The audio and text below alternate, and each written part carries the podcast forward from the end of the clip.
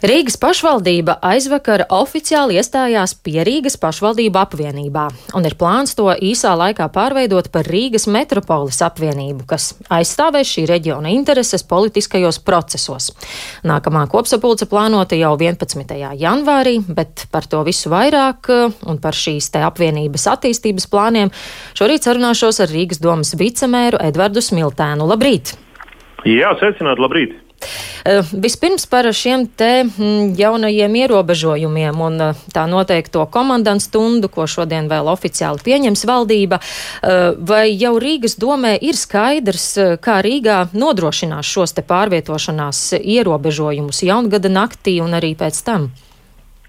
Nu, protams, ka visas šīs darbības tiek koordinētas kopā ar valsts. Tātad, uh, šajā gadījumā, lai nodrošinātu šo un uh, kontrolētu, tā būtu Rīgas pašvaldības policija kopā ar uh, valsts policiju. Un uh, šādā veidā arī mēs uh, strādājam šajos uh, grūtajos Covid laikos. Um, rīdziniekiem ar ko būs jārēķinās uh, šajā laikā? Uz ielām varbūt vairāk kārtības sargu?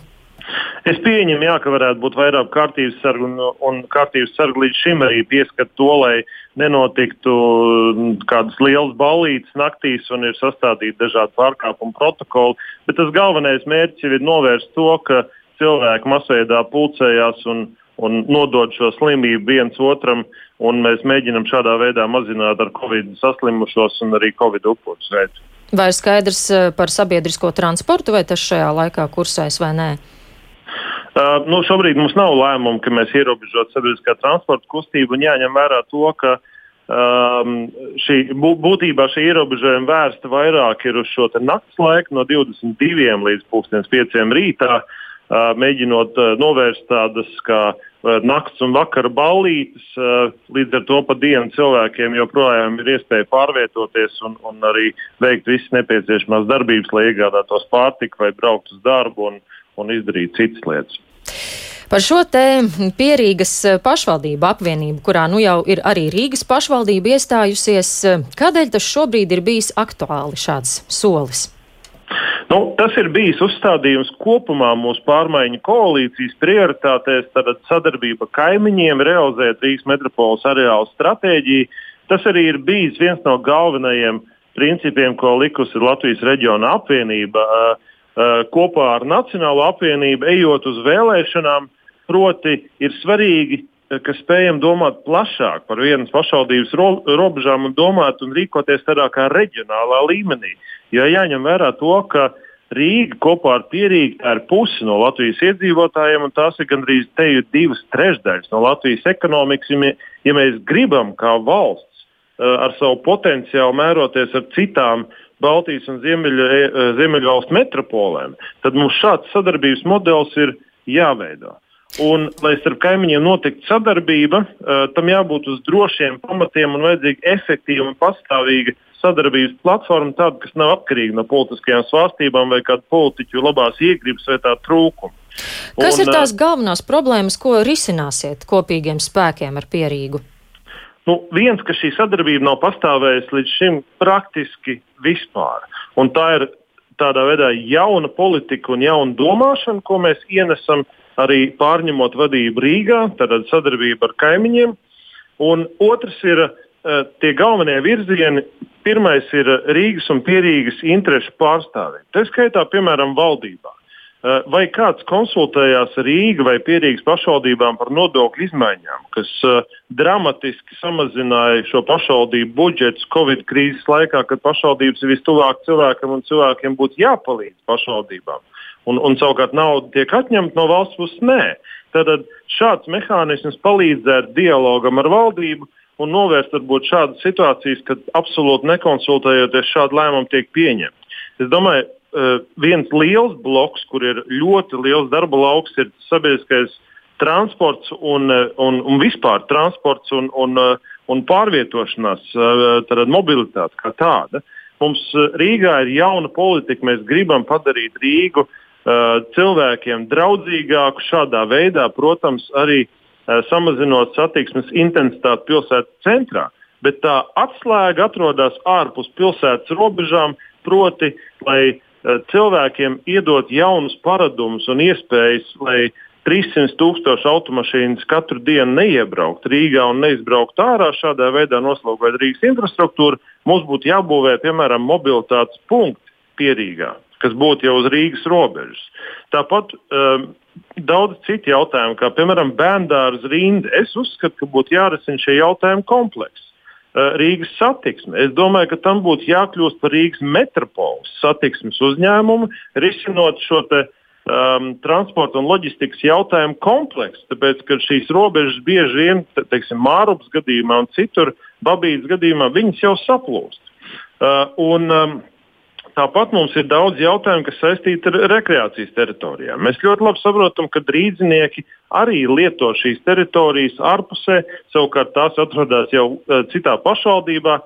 Taču pieder Rīgai, jo tas ir Rīgas meža īpašums.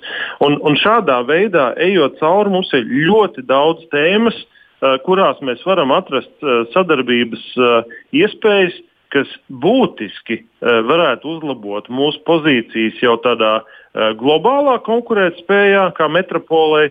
Un tā skaitā risināt dažādas pat mikro problēmas. Es varu iedot vienu piemēru. Nu, patiesībā vairāk piemēru, kas šobrīd tiek apspriesti Rīgas budžetā, kas ir arī iniciēti. Uh, tātad um, mums ir, mums ir Mārupē viens spilgts piemērs, kur upes grīvas ielā nav savienots, tad ir izbūvēts celiņš un nav savienots vien 40 metru garumā, kas ir nu, no iedzīvotāja perspektīvas, tie, kas to ir redzējuši, viņi saka, tas ir absurds. Ja? Tad ir Rīgas robeža un nav šāds savienojums. Uh, es domāju, šādas lietas būtu jānovērš jau saknē. Mm. Nu, šobrīd, piemēram, šis jau ir konkrēti izstrādāts budžetā. Ir daudz citu piemēru, kur mēs esam Kā? definējuši šīs problēmas. Un, un arī šādās mazās lietās Jā. ir. Nu, kā ir ar pašu pierīgas pašvaldību atsaucību sadarboties šādām iniciatīvām? Vai ir zināma vienprātība jūsu starpā, vai ir vēl tādi jautājumi, kur vajadzēs diskutēt? Uh, nu, mēs šo lēmumu pieņēmām uh, kopā ar pierīgas pašvaldībām uh, vienbalsīgi par Rīgas uzņemšanu. Mums bija, protams, garāka diskusija, kur mēs vienojāmies par šo sadarbības modeli, uh, par, par finansējumu, tā skaitā uh, šādai apvienības izveidošanai un, un pastāvēšanai. Kāds būs finansējums? Bet, bet visi lēmumi tika pieņemti solidāri un, un kolēģiāli. Un, uh, Un es domāju, ka tas ir labs pamats uh, lieliskai sadarbībai. Uh, tātad mēs esam pieņēmuši lēmumu par to, ka šīs attiecības balstās paritātē un uz konsensu principu. Tad Rīga un Pierīga kopumā. Un Pierīgas pašvaldības jau šobrīd uh, šajā apvienībā nāk ar 40 tūkstošu finansējumu, un Rīgā tas varētu būt līdzīgs. Esmu izrunājis arī ar mēru Mārtiņu Staķi, un šāda summa apmēram varētu būt paredzēta no Rīgas budžeta uh, kas, kas varētu tikt iestrādāt arī Rīgas budžetā, ko mēs drīz arī pieņemsim. Kāds būs tas nākamais lielais solis, par ko diskutēsiet jau nākamajā kopsapulcē janvāra sākumā? Kāds ir tas uzdevums tagad, kas jāpaveic? Jā, mēs ļoti strauji virzamies uz priekšu.